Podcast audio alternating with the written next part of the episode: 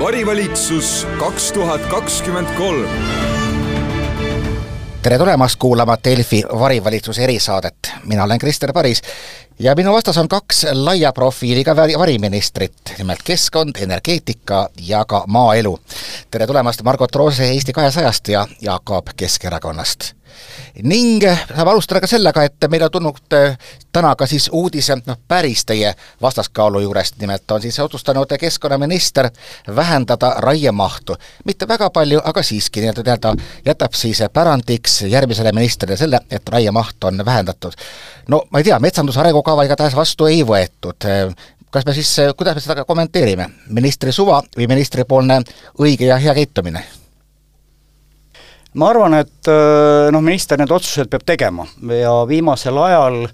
on millegipärast juhtunud nii, et äh, see on viidud siis valitsuse või kabineti tasemele. üldiselt on see keskkonnaministri enda otsus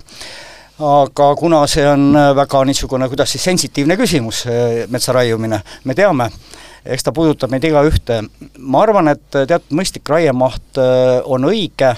raiemaht üksinda ei näita ju midagi ära, äh, et äh, ja kui me räägime ka nendest miljonitest tihumeetritest, siis ka see ei näita midagi ära. ja tuletan meelde, et RMK raiemaht kogu raiemahust aastas, ehk siis riigimetsade raiemaht on tegelikult kolmkümmend, nelikümmend protsenti. Ja, ja siin peab tasakaalustama neid asju, sellepärast et kui me väga palju vähendame, noh, mõni, mõni nõuaks poole võrra vähendamist riigimetsades, siis see raie kolib üle erametsadesse ja seal palju pidurdada ei saa kahjuks jah, mina lisaks omalt poolt, et äh, see umbes kümneprotsendiline vähendamine, et et eks ta on natukene kosmeetiline operatsioon enne valimispäeva, mis äh, kindlasti on selline rahva ootustele vastav ja meelepärane äh, ja äh, iseenesest äh, meie olime see erakond, kes viis Riigikogus äh, rahvaalgatuse, et RMK peaks raiesurvet vähendama, et äh, selles suhtes tuleb loomulikult rõõmustada, et see nüüd ongi juhtunud aga siin on nii tohutu palju erinevaid osapooli, ka, ka teadlased erinevates ülikoolides annavad erinevaid hinnanguid, et kas Eesti metsa raiumine üldse on praegu jätkusuutlik või mitte, pluss siis täpselt ikkagi ka inimeste enda emotsioonid. ma toon kas näiteks enda puhul näite, mul on maal väikene metsatukk, ja seal sööb praegu ära puid ürask, noh ma ei hakkaks seal niikuinii midagi maha võtma, aga põhimõtteliselt mingi hetk eh, tuleb, tuleb loodus ja teeb ise ära selle, mida inimene ei tee. Et äh, noh, siin on ka, selles teates on rõhutatud tegelikult, et üraskimetsa äh, raie on selle mahu alt väljas. see ei olnud väga selge veel siin mõni aasta tagasi, aga see kuuseürask on ka muutunud väga aktuaalseks probleemiks nüüd, noh jah, Euroopas on ta kõik kuusik, kuusikud praktiliselt ära söönud ja nüüd ta on siia jõudnud. et eks sellega tuleb ka mõistlikult tegeleda. Tegelikult on metsamajanduses väga palju erinevaid nüansse, ka selles, kuidas siis olemasolevat metsa majandatakse, kui vana metsa majandatakse, millise raiega majandatakse, ma võiks sellest rääkida siin mitu päeva, sest ma olen metsamehe poeg mina võiks ka mitu päeva rääkida, sest see puudutab mind väga sügavalt ja meie erakond kindlasti on äh, sellel teemal äh, nii-öelda äh, väga äh, metsa poole kaldu selles mõttes, et, et peab olema mõistlik, peab olema jätkusuutlik, me ei tohiks tulevaste põlvkondade huve kahjustada ja nende heaolu, aga rääkides üraski teemast, siis ma külastasin hiljuti ühte Eesti juhtivat saekaatrit ja nemad rääkisid, neile nad näitasid seda palgikuhja, kus olid need üraski ähm, nii-öelda kahjustatud äh, palgid ja ütlesid, et tegelikkuses äh, mujal riikides seda müüakse kõrgema hinnaga, et see on tänapäeval äh, nii-öelda ökopalk, mida inimesed eelistavad äh, Põhjamaades näiteks, et võib-olla me saame selle kuidagi oma tugevuseks keerata hoopis ma usun, et ajaga on see täiesti võimalik, et noh, tõenäoliselt üleöö see ei juhtu. et ähm, ma olen nõus sellega, et me peame noh, me teame, et meil on ka võetud ju teatud kohutusi ka Euroopa Liidus. tihtipeale võetakse sealt üks number ja asi välja ja siis aetakse, puhutakse nii suureks, et nüüd kõik hukkub. ja ma mõistan ka inimeste kartust seal, eriti maapiirkondades, kus siiski puidutööstus on ju öö, suhteliselt suur tööandja ja, ja me kipume tavaliselt nende numbritega inimesed päris ära ehmatama. et ähm, kindlasti peab vaatama seda tasakaalu ja sellist metsa, mida saab majandada ja raiuda, kas seda tuleb teha lageraiena või mõne teise raiena, võin ette lugeda kõik need viisid, on ju, et äh, õnneks puit läheb järjest rohkem hinda ja, ja tegelikult äh, pigem äh, mida peaks riik tegema, mida on ka tehtud, äh, meil on kompetentsikeskus, kus puidutööstuse kompetentsikeskus, Centre vist, nagu ma tean, Võrus, et me peame seda metsa väärindama me, me, me ei pea võib-olla nii palju raiuma, aga seda, mis me raiume, peame rohkem väärindama, mitte teda lihtsalt välja viima siit noh, küttepuuna pelletina. no mets on tõesti tohutult lai teema, aga ikkagi veel sellel teemal, et kas, kui nüüd sõnasabast kinni haarata, kas riik peaks ja kas ta saaks panna kätte ette, et meie puit ei läheks pelletitena Taani katlamajade kütteks? ma kuulsin kunagi, kui Taavi Aas käis Hollandis ja kohtus sealse majandusministriga, ja, ja ka nemad olid hirmsasti mures, et Euroopa Liidus tõsteti see küsimus üles, et kuidas siis jätkusuutlikult äh, puiduga üldse toimetada ja, ja väga rõhutatakse, et, et need pikemad plaanid on ikka, et väga vähe väärtuslikku puitu võib kasutada selle biomassina. tihtipeale see praegu veel nii ei ole ja turg on suur nõudlus, meil ei ole õigus äh, kehtestada siin selgelt mingisuguseid tõkkeid ja piire kinni panna. Euroopa Liidus äh, see, see üks hea asi on ju, et turud on vabad, aga ta võib teiselt pool anda ka sellise näiteks suuna kätte, nagu nende pelletitega on. Äh, pigem on see järk-järgult tuleb ikkagi toetada seda, et tõesti seda väärtust tõstetakse, et puitu töödeldakse, see on ka CO2 sidumise suhtes mõistlik, kui on pikaajalistesse toodetesse puit seotud. Jah, puidu äh, osas peabki turg ikkagi äh, olema see, mis äh, teeb oma töö, et kui me suudame väärindada, kui me suudame ka neid jääke paremini väärindada, et Eestis on väga ägedaid ettevõtmisi, kus ligniini toodetakse puidujääkidest, mis võiks näiteks asendada asfalditööstuses ähm, naftapõhiseid materjale, et kõiki neid asju tuleb toetada, innustada ja siis ei vii keegi enam midagi kuhugile ära meil et äh, ma olen korduvalt käinud Imaveres ja kõige suurem pelletitootja, kellele siis näpuga viibutatakse, kes siis tegelikult ju turunõudlusel siit välja viib, ehk siis Raul Kirjanen äh,, oli see, kes ütles, et aga et tselluloosiks keetmine puidu, see ei ole kõva väärindamine, mina arvasin, et ta räägib niisama ja oma äri huvides. tegelikult on mees teinud ära ikka meeletu töö oma meeskonnaga ja on praktiliselt äh, ainulaadne tehnoloogia, katsetehas on valmis, kus siis puit fraktsioneeritakse või rafineeritakse päris noh, nanoosadeks ja siis võib sellest teha mida tahes, on ju. et, äh, et äh, ja aga mul on üks selline uudis, mis ei ole hea, Raul on öelnud ka, et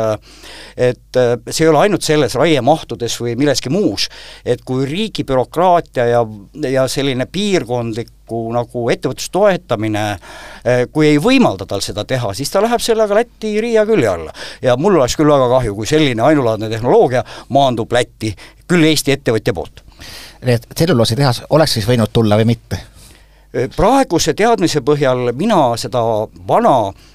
krafti äh, meetodit enam ei poolda, kui on olemas palju mõistlikumat tehnoloogiat, mis säästavad keskkonda, ei kasuta nii palju vett ja samas annavad palju rohkem väärtust niimoodi, aga nüüd jõuamegi siis äh, ministri rolli juurde, et äh, mingil põhjusel, no keskkonnaminister ilmselt mõtleb umbes nii nagu teie, et kas siis noh, ikkagi pigem nagu säästa loodust või mitte, ja seda samas päris tihti ikkagi kuskil nagu ei realiseerita. olete te üldse aru saanud, mille eest seisab keskkonnaminister, kas ministri ülesanne on ennekõike vaadata loodust ja kaitsta loodust või ministri ülesanne on just nimelt katsuda siis ka laveerida niimoodi tasakaalustatud arengu vahel? Äh, minister äh, kindlasti peab seisma looduse eest, sest see on ju ainus ministeerium, mis äh, selle osa eest meie riigis seisab, aga loodus ja keskkond on väga komplekssed süsteemid,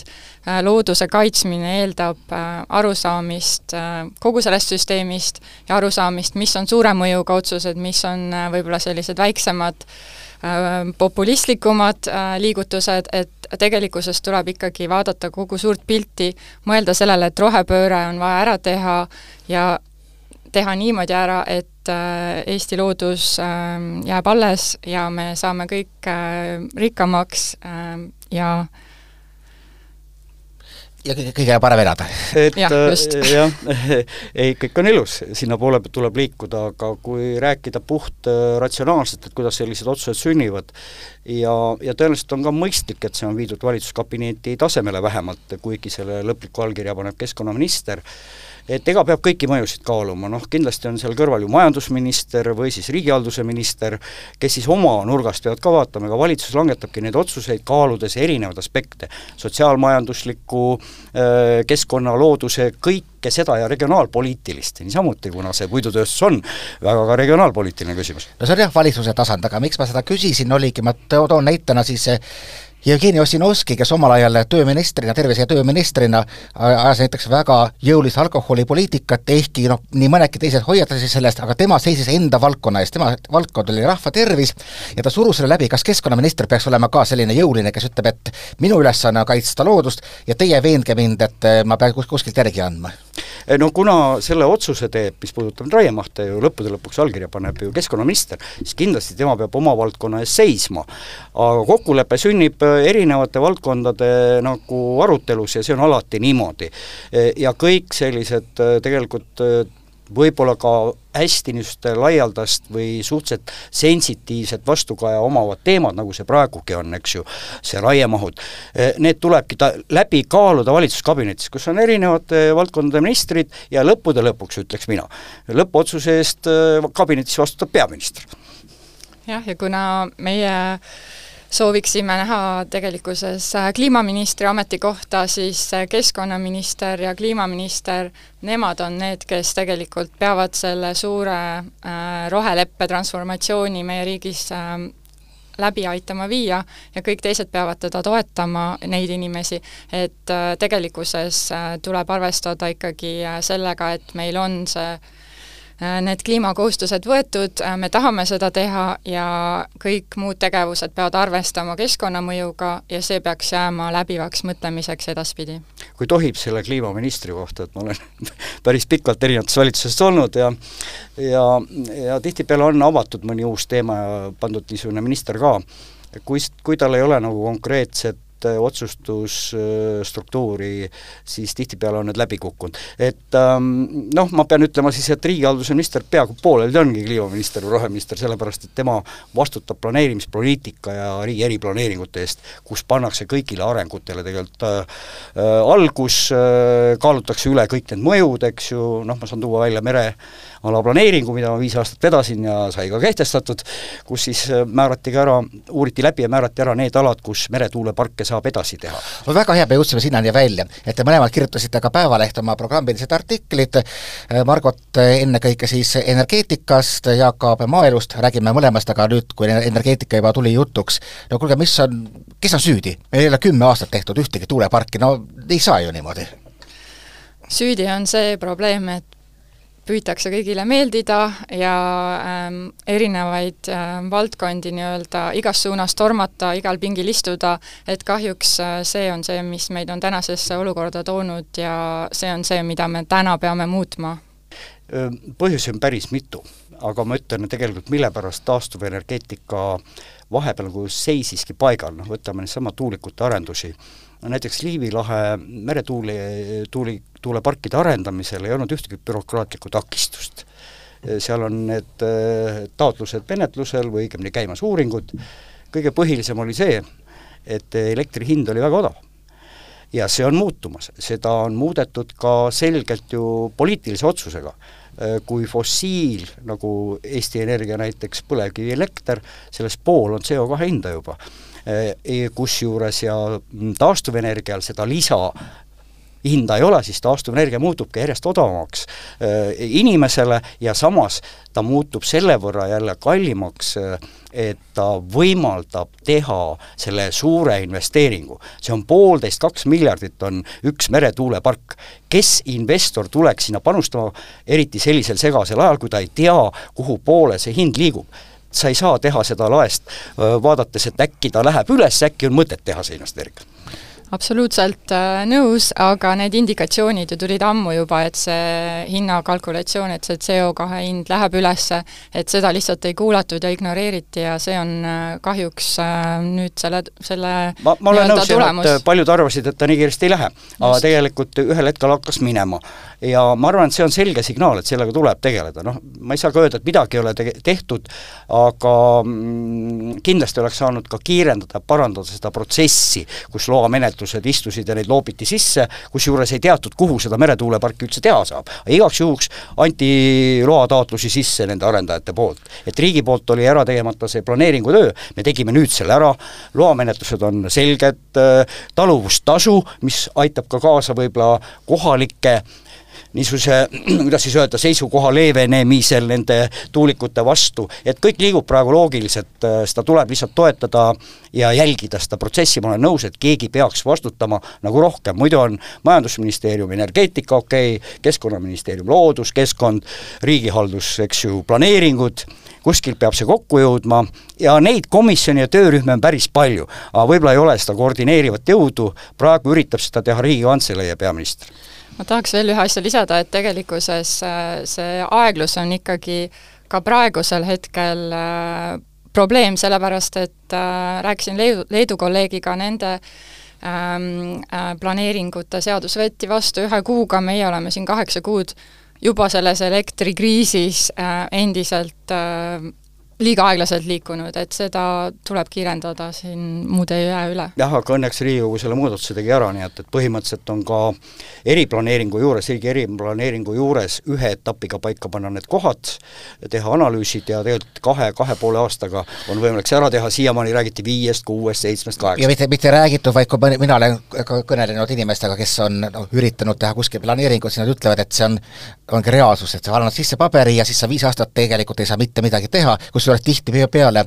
ei saa isegi aru sellest, et milles on probleem, et lihtsalt menetletaksegi nii kaua. aga ma võin öelda küll, et eks me oleme ikka neid samme astunud, öeldakse midagi ei ole. Praegu käivad omavalitsuste üldplaneeringud, väga palju saab tegelikult omavalitsuste planeeringutega ära määratleda seda ka taastuvenergeetikas.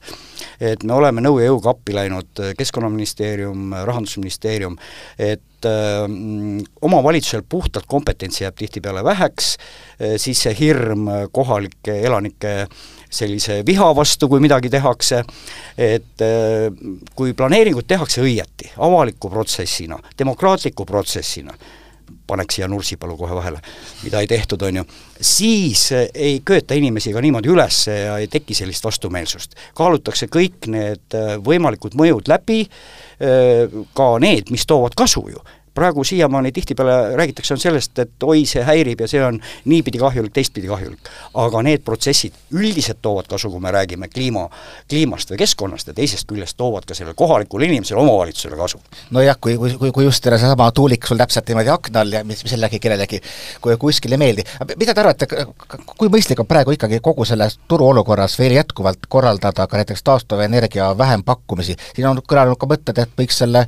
taastuvenergia tasu kui sellise inimeste arvet, et üldse ära kaotada, et noh, vastu turgu öeldakse, et ei ole Eestis võimalik teha, ma natuke kahtlen seda. tähendab, viimased nagu need enampakkumised on ka näidanud päikseenergiale, et see hind on tulnud järjest alla. et järjest vähem peame me sinna peale maksma,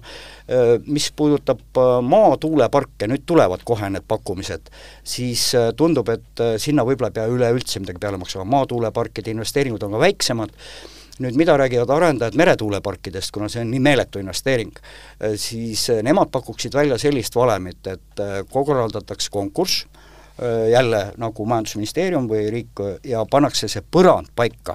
et noh, see on nii suur investeering, et, et kui mingil põhjusel turul tekib pakkumist, muudetakse poliitikuid, poliitikaid näiteks ja siis see põrandast läheb kuskile alla, siis sa saad kahjumi ja väga suure kahjumi sisse. samas nad on nõus, et pannakse ka lagi. et kui sa sellest üle teenid, siis sa maksad riigile tagasi. ja ma arvan, et see on mõistlik valem. niimoodi saabki ja, ja liiguvad ka naabrid meil samas suunas, nii Soome, Läti kui Leedu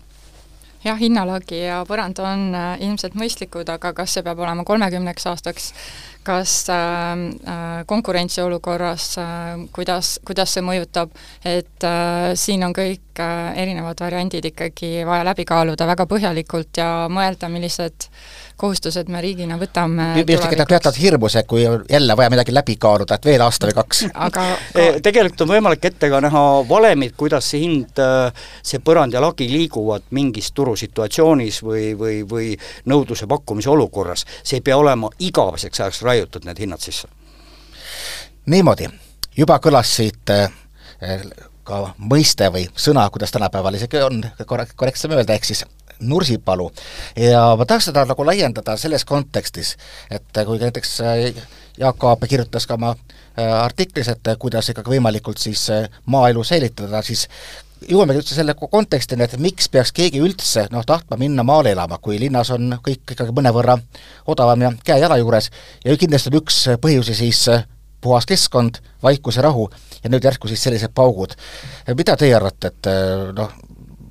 jube kompleksne küsimus, aga mis nüüd nii valesti läinud on, et, et Eesti inimesed ei taha Eesti riiki kaitsta? see on üks lemmikteema, sest äh, nagu ma ütlesin, ma tegelesin planeeringupoliitikaga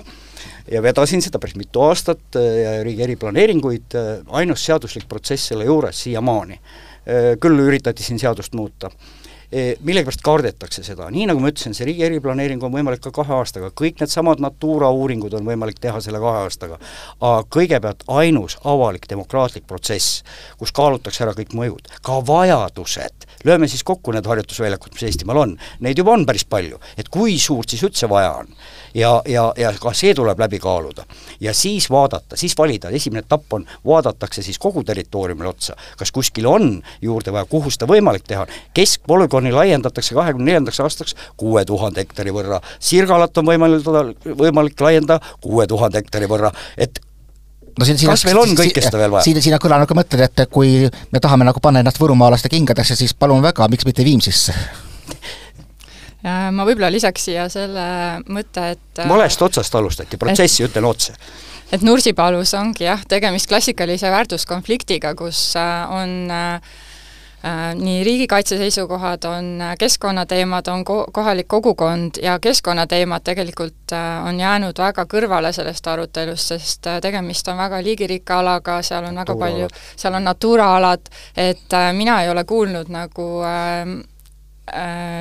vestlusi ja arutelusid sellel teemal, et, et milline on see keskkonnamõju tegelikult. Ja loomulikult teine, teine külg selle, kogu selle protsessi äh, läbiviimine on toimunud täpselt nii, nagu seda ei tohiks läbi viia, et äh,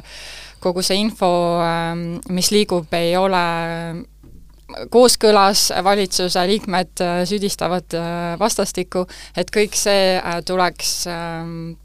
teha äh, hoopis teisiti ja äh, selles on kõik vist nõus. et planeeringuprotsessis äh, tihtipeale ei saada aru, et see on niisugune efemeeriline mõiste, mis see planeering, oi, nii kaua kestab. aga kõigepealt seal peabki välja tooma vajadused, siis tuleb kaaluda, kui suured need vajadused on, siis tuuakse välja ja uuritakse läbi mõjud siin piirkonnas, seal piirkonnas, kolmandas piirkonnas. ja lõpuks ongi niimoodi, et sellel on kindlasti negatiivsed mõjud, igal arendusel on mingid negatiivsed mõjud keskkonnale, loodusele, inimestele, piirkonnale. Millised huvid, ja see on kaalutlusotsus, millised huvid kaaluvad üles, kui väga-väga on vaja seda harjutusväljakut, siis tuleb ta võib-olla kuskil arendada, kas nimelt just seal, ei ole veendunud. ja, ja siis peabki valitsus tegema selle kaalutlusotsuse, see ongi valitsuse kohustus, aga enne seda saavad kõik asjaosalised ka oma arvamuse välja öelda. nii, kui ma teie kui variministrite käest küsiksin, et kas Nursipalu peab laiendama, ma saan aru, et praegu oleks teie vastus, et puudub piisavalt informatsiooni mina ütlen küll nii, sest just planeeringuprotsessis saab selle informatsiooni. igalt poolt, iga mõjude kohta, vajaduste kohta, seda pole keegi teinud jah, nõus ja see peab olema jah, kogu valitsuse otsus, aga keskkonnaminister kindlasti peaks seisma keskkonna aspektide eest selles, äh, selle otsuse tegemisel ja, ja kaitsma seda seisukohta, mis äh, nende uuringute tulemusel tuleb. vaatame veel natukene maaelu veel laiemalt, et minu meelest on vist vähemalt äh, kümme või kakskümmend või aastat, kui mitte isegi Eesti Vabariigi alg-, nii-öelda taastamisest saadik olnud ikka jutt sellest, kuidas maapiirkonnad jooksevad tühjaks, noh, ma näen ka mingisuguseid teistsuguseid trende, näiteks äh, Otepää vallas, kus mul on väike maamaja, seal ka juba enne Ukraina põgenike tulekut hoopiski kooli elanik, või kooli siis õpilaskond äh, järsult suurenes, tulid sinna uued pe-, noored, noored pered, eks maal tegelikult saab ka olla elu, aga noh, me oleme hõreasustuses, et kui palju peaks ühiskond üldse nagu peale maksma sellele, et inimesed elavad maal, see on kallim kui linnas. et äh, minu, minu niisugune, üritan hästi lühidalt, et see maa tühjaks jooksmine tegelikult kõige kiirem oli ikkagi üheksakümnendatel aastatel. Äh, see oli objektiivne, sellepärast et turumajandusse üleminekul tehti väga palju reforme, põllumajandus töötas seitseteist, kaheksateist protsenti tööealisest elanikkonnast, praegu töötab kolm ja toodangut antakse palju rohkem. et see ongi see areng, äh, milles äh, mina nagu siis viibutan näppu, juba üheksakümnendatest ma olin Võhma linnapea, meie saime ikka tõsise paugu, eks ju, pihta, et ega see riigi niisugune toetus välja tulla sellistest olukordadest oli ikka täiesti minimaalne. et äh, noh, väga lihtsalt öeldes ongi Robin Hood, rikkamatest piirkondadest teenitud kulu jagatakse tegelikult ümber või tulu sinna piirkonda ja neid tasandatakse. Soomes ma toon näite, perearst Lapimaal teenib kaks korda rohkem kui Helsingis. nii lihtne see ongi jah, et ka perearstidel, mis meil on mingid teatavad koefitsiendid, eks? jah, no meie usume, et inimese elukoht ei tohi äh, määrata tema elukvaliteeti, see tähendab, et äh, tuleb ikkagi luua tingimused äh, Eestis inimestele elada väljaspool pealinna ja, ja suuremaid linnu, ja siin on äh, võtmesõna ikkagi töökohad, äh, majandus, äh, mis peaks olema, mis peab olema võimalik arendada ka väljaspool suuri keskusi, ei tohiks karta ka tootmist ja tööstust, tänapäeval on väga ranged nõuded ähm, tööstusettevõtete nii-öelda ülesseadmiseks. Ja, ja siin ähm, need äh, mitte minu tagaaeda probleemid ja, ja kõik, kõik see ei tohiks tegelikult takistada. Ja lisaks loomulikult tuleb äh, väga arukalt ja mõistlikult lahendada transpordiprobleemid nõudepõhise transpordi lahendustega ja ähm, koolid äh,, lasteaiad, et inimesed peaksid saama ikkagi igal pool elada, töötada, oma perekonda kasvatada ja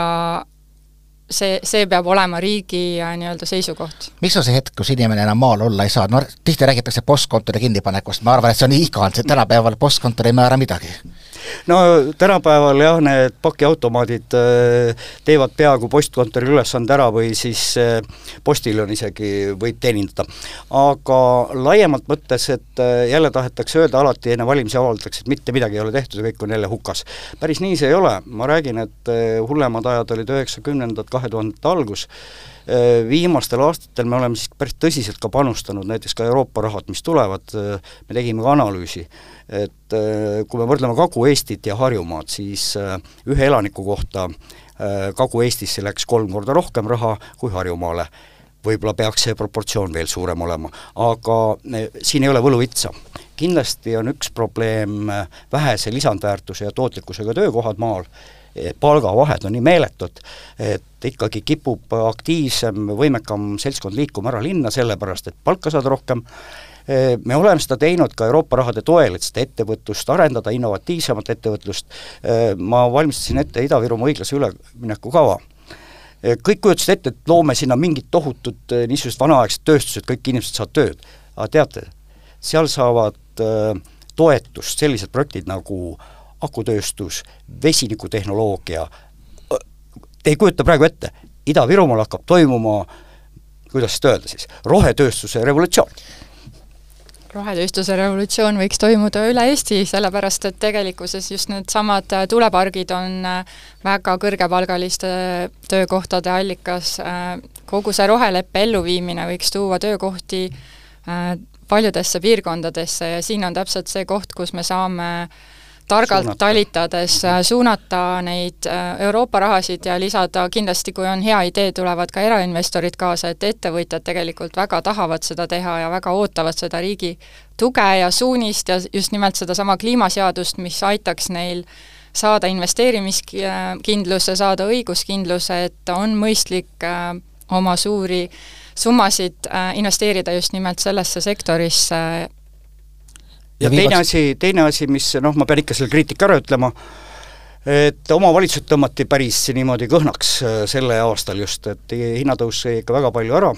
tuludest äh, ja siis pandi kaudsed kohustused, eks ju, tõsteti õpetajate palka, mis ju väga hea, ma olen ise ka õpetaja, et ju aga ei antud raha lasteaiaõpetajate palgatõusust, kultuuritöötajate palgatõusust, täiendavat raha, kas siis tulubaasina, eraldi toetusena, mida me koroonakriisi, koroonakriisi ajal ju tegime ja sealt tänu sellele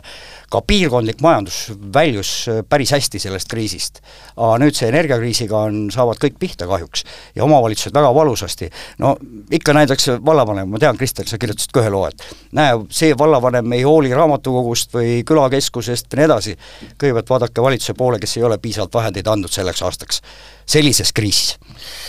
Oih, see on jah. Meie tegelikult äh, oleme ka mõelnud seda, et kohalikud omavalitsused, et neid võiks ka motiveerida ise rohkem tulu teenima äh,, maksulahenduste või maksu ähm, tulu teenimist äh, soodustama, et siin on väga palju äh,, mida saab ära teha äh, ka, ka selle, selle suht-, suunas, et äh, omavalitsused saaksid ise paremini hakkama. Teid kuulates mul tuleb kohe, kohe meelde, mida ka härra Aab just mainis, mis juhtus põllumajanduses. et äh, väär-, väärtus, mida luuakse, on sama suur kui, kui varem, aga töötab kuus korda vähem inimesi, et see võib ju juhtuda ju ka rohepöördega jah, aga nii, nagu ma ütlesin ka nende reformide ajal, siis olekski pidanud jõulisemalt tekitama asemele muud ettevõtlust. ja tänapäeval neid võimalusi on väga palju, üks hea asi on ju see, et noh, kontoritöötaja ei pea üldse Tallinnas viibima, kaugtööd võib teha, seal tuleb ette see viimane miil ja sellest ma võin ka pikalt rääkida, et järgmine ja. hange on tulemas regionaalsete portfellidega no, ja see pidi tükk, tükk maad pingutama MKM-i. mul mul on juba olemas 5G internet ja sellest täiesti piisab, aga aga see ei jõua ka igale poole kahjuks. ja teine viimane miim, mis tuleb ette, on see, et inimene inimene ei saa pangast laenu, et oma maja korda teha. aga KredExis äh, tükk maad, neli aastat nägin vaeva, eelmine kevad avati see meede, kus on võimalik saada riiklikku tagatist kodulaenu võtmisel maapiirkonnas nojah, see on täiesti, täiesti pikk omaette teema, võin oma kolleegi põhjal näidata, kui huvitav on KredExist taotleda, aga see on hoopiski, läheb, läheb kõrvale. võimalus on ikkagi, ma pean ütlema, varem ei olnud. selge, aga võtame veel enne, kui me tõmbame otsad kokku, ühe teema kuidas panna ikka päitsed pähe prügivetajatele, ma, ma, ma olen, ma olen nii hädas, et kas või enda kodu juures. mul on need mingid pakendikonteinerid, pidevalt ajavad üle, kui ma pöördun Tallinna linna poole, ütlevad, et me ei saa midagi teha, et see ei, ei kuulu meile. ja umbes kõik veeretavadki vastutuse kõrvale ja mul on nii palju lihtsam viia oma üldkonteinerisse kõik ära. Siin on tegelikult kolm asja, mis on vaja ära teha kiiresti ähm, nii-öelda siis jäätmepöörde nime all, et esimene asi on see, et äh, peaks olema üleriiklik süsteem. Äh, jäätmete kogumiseks, äh, sest praegu kõik kohalikud omavalitsused püüavad kuidagi ähm, asja lahendada, meil on viiskümmend erinevat süsteemi, keegi ei saa aru, äh, inimene peaks aru saama, et kui ta linnas viskab niimoodi asjad, et siis tal on ka seal oma maakodus võib-olla loomulikult biojäätmed seal saab komposteerida, aga aga muu süsteem võiks olla sama, see teeb kohalike omavalitsuste elu palju lihtsamaks ja kogu kommunikatsiooni Äh, inimeste suunas. Äh, teine, teise asjana tuleks ähm, lahendada probleem, mis on ettevõtjate äh, poolses otsas, ehk siis ähm, jäätmeettevõtted, täna on ähm, lihtsam ja odavam viia prügi, prügi ja jäätmed põletusse või ladestusse, siin on vaja riigil sekkuda ja kehtestada vastav maks, et oleks majanduslikult kasulikum äh, ikkagi äh, sorteeritud prügi ja jäätmed ja ressursid äh, taaskasutusse viia. ja kolmas asi on digilahendused äh, ja järelevalve, see on väga suur osa, sest täna me ei näe, mis tegelikult toimub. Ja siin on äh, pool probleemist peidus. No üldiselt on nii, et äh, ma kirjutasin ka oma kogemusest, et mina olen seda üritanud kakskümmend aastat teha järjest täpsemalt. Äh, sorteerida jäätmeid. Ja ma arvan, et kodumajapidamises noh, kui sa oled oma majas, on seda natuke lihtsam võib-olla kui linnakorteris, kui ka need võimalused on loodud. Äh, mõnel pool öeldakse, et maal ei ole, ma ei tea, jah, võib-olla on selliseid kohti, minul on äh, pakendikonteiner suhteliselt lähedal, ma korjan selle koti täis äh, sinna garaaži ja siis viin ta ära, on ju jälle, seda tuleb väga palju, see on jube ausalt öelda. ja, ja, ja noh, biolaguneva pole ka muret, taaraga ei ole muret, kuigi seda taaskasutatavat taarat võiks rohkem olla, kõike ei saa, osa peab ikka viskama sinna klaasi ja metalli, et kui see tehakse kättesaadavaks ja see peab olema süsteem, et siin on nagu segadus tõesti. et mis see riigi kohustus on, mis see nende ettevõtjate kohustus on, mis on omavalitsuse kohustus, et äh, kõik saavad aru, et mul on mingi jupp, aga see koos ei toimi. Selle peab koos toimima. Ja ma arvan, et äh, kui see tehakse mugavaks, kättesaadavaks, siis on see võimalus olemas. Ja ma arvan, et natukene peaks olema seda sundi selle hinnaga. no ma tõesti, ma, ma, ma pingutan päris kõvasti, aga ma ei saa üle poole konteineri kuu ajaga täis olmeprügi, kuna ma sorteerin mul on väga sama, samasugune kogemus endal maal, kus ma näen õudusega, missugused hiigelkogused paketeid tekivad ja kui vähe tekib kõike muud. aga tõmbame vaikselt üldse saate sellega kokku eh,, annan variministritele võimaluse, nagu alati, anda nii-öelda noh, nädala ämber kellelegi, ma ei piira praegu teie valdkonnaga, sest et eh, valitsus, nagu oleme siin ka jutustanud, on, on ikkagi selline, langetab otsuseid konsensuslikult, on teil midagi, mida tahaksite väga laita või jumala eest ka väga kiita? Mina tahaksin kiita elektrituruseaduse vastuvõtmist, võttis aega, aga, aga ära see tuli ja mul on väga hea meel, seda on väga vaja rohepöörde elluviimiseks. Ja laitmise osa võib-olla ütleks nii, et kuna on valimiste-eelne aeg, siis tegelikult aasta algusest kuni siiani on väga vähe toimunud äh, seesama erakondade rahastamise äh, seadusemuutus, äh, top-up, Nursipalu vaidlused ja, ja, ja nii-öelda siis mitteotsustamised. Äh, et ähm, pigem see miinus võib-olla ongi see, et äh, töö jääb seisma, et tegelikult see on meie riigile kõige kahjulikum Noh, mina ta-, ma ei tea, kas see nädala sisse, ma, ma alustan ka Riigikogu kiitmisega, sest et Riigikogu sai nende seadustega hakkama, ausalt öelda, osad muudatused algatati ju Riigikogus, mis puudutab EITS-i näiteks, elektrituruseadust, selge see, et ministeerium oli abis ja kaasas, et ju siis tuleb seda lahkuvat Riigikogu mõne asja eest ikka kiita. Ja, ja pigem olid nagu puudused ministeeriumite valitsuse poole peal, ja mulle tuleb ikkagi sellest äh, kobarkäkina meelde see Nursipalu, no mitte midagi ei tee, see, see, teeb nii palju pahameelt ja see on äh, kuidagi ma ei tea, kuidas nii küüldimatult seda protsessi aeti, et kõik inimesed aetakse hulluks, riigikaitse vajadus on arusaadav, aga miks vastandada sellised kaks asja, et, äh, et palju see tõstab inimeste nüüd riigi kaitsmise tahet või meie julgeolekuolukorda, kui me oma inimesed siin välja vihastame. et see on täiesti arusaamatu ausalt öelda ma arvan, et selle viimase